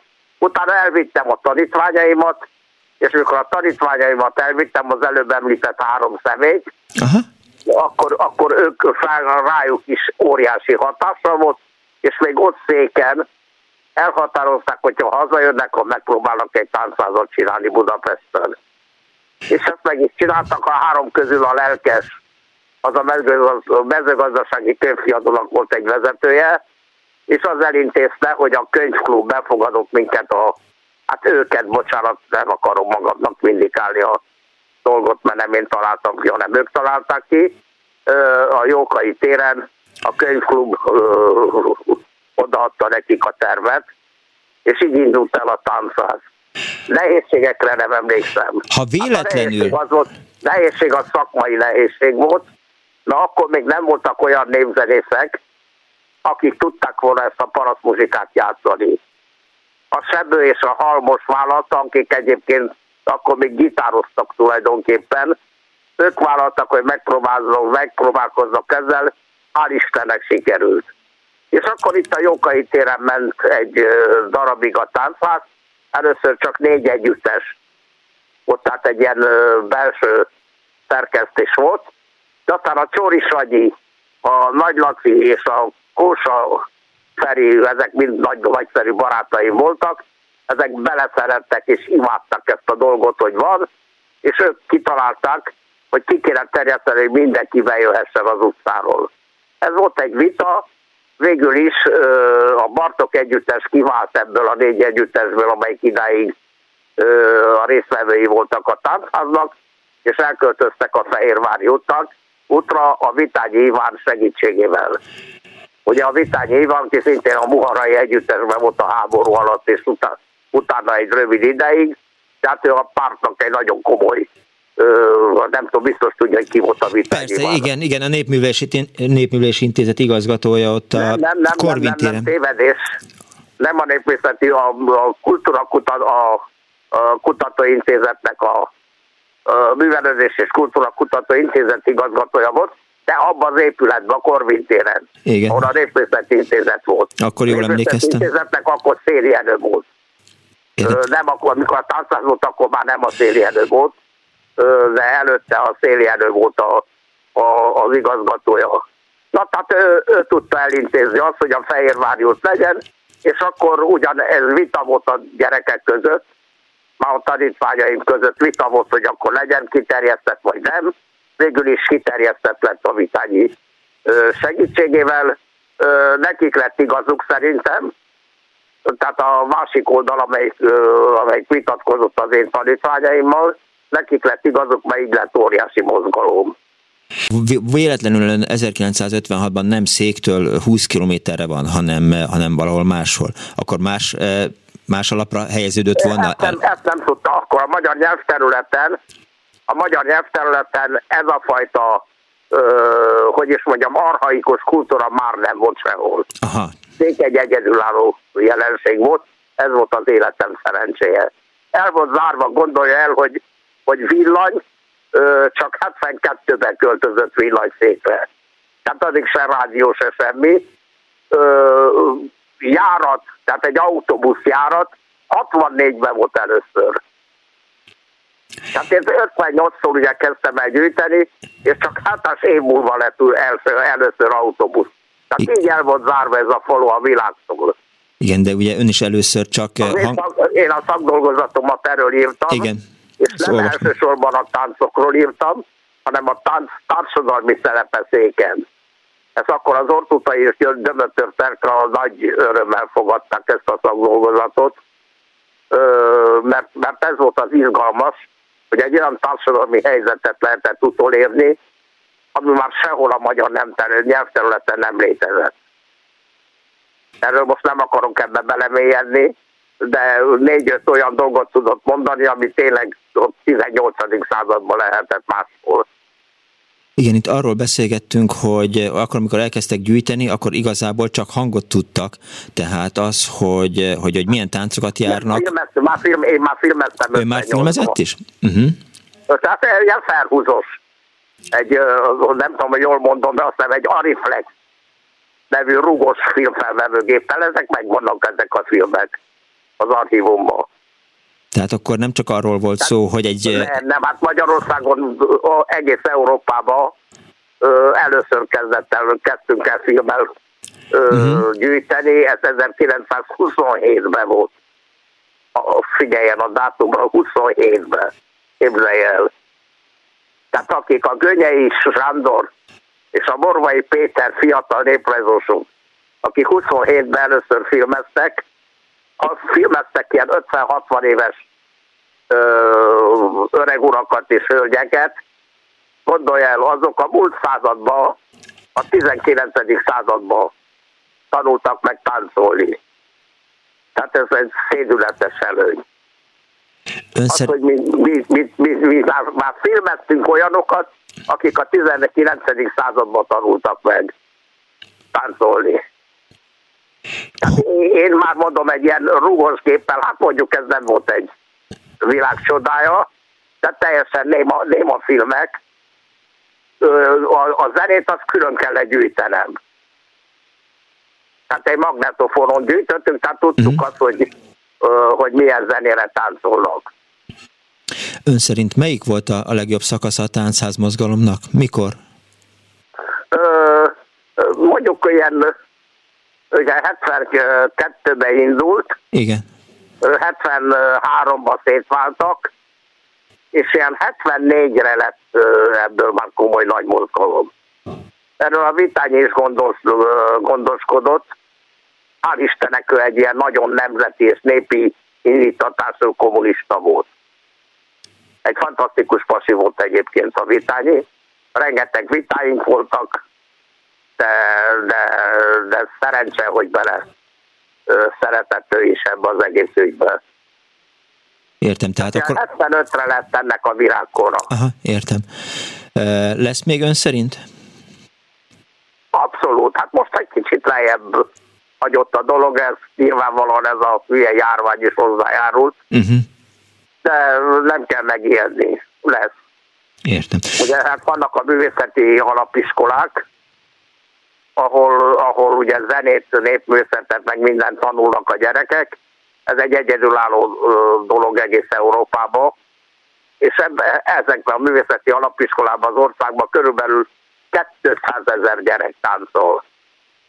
Akkor van jövő. Akik, akikből nem, ő, ő nem foly féleket, hát nyilvánvalóan lejjebb, lejjebb hagyott a dolog, de nem ijedek meg attól, hogy nem lesz jövője. Nagyon szépen köszönöm, hogy rendelkezésünkre állt Novák Ferenc Tata. És, le, és azt, még azt is terjesztették, hogy a párt tiltotta, a rendőrség tiltotta, röhögnöm kell. Hát a párt ő volt patronálta, én akkor ott csináltam, hogy táncszövetségi főtitkár voltam. Pártitkárok hívtak, megyei, meg városi késztitkárok hívtak, hogy adjak nekik tanárt a táncházhoz. Értem. Hát a rendőrség mindenütt ott volt, hát ez volt a dolgunk. Igen, a rendőröknek ez a dolguk. Köszönöm szépen még egyszer, hogy itt volt. Itt megzáltak ezért. Viszont hallásra. A mai műsor szerkesztője eh, Árva Brigitta volt, azt írja a hallgató, ez réteg műsor, de aki szereti a néptáncot, annak szívmelegítő, szívmelengető volt. Egy másik hallgató azt írja, hogy Vitánya Népművelési Intézet igazgatója volt, ha jól emlékszem, a az intézet később eh, volt művelés kutató, illetve a Magyar Művelődési Intézet, eh, és azt írja a, a, még egy hallgató, hogy jó napot, az 50-es évek elején jártam a Ferencvárosi Kultúrotthonba, orosz néptáncot tanulni, nagyon nehéz volt, mégis szerettük, írta Zsú. Szóval a mai műsor szerkesztője kis Árva Brigitta volt, létrehozásában segítségemre volt Kemény Dani, Kis Marcsi a telefonnál, a videónál Pálinkás van, illetve eh, Kardos Józsi a háttéranyagnál. A táncház mozgalomról szólt a, a mai Annó Budapest. Igazából a kedves hallgatónak, hogy, hogy meg kellene jegyezni annak a e, hölgynek a nevét, aki táncleíró volt, majd e, be fogjuk írni ide az e, Annó Budapestbe, ha meghallgatjuk az ismétlést, mert én sem írtam fel. Egyébként meg Give Peace a Chance, rohagy meg Putyin, B-hallás. Vagy mit kapcsoljam ki a rádiót? Bocsánat. Jaj, Igen, jaj. igen, igen. Elnézést. Jó napot kívánok.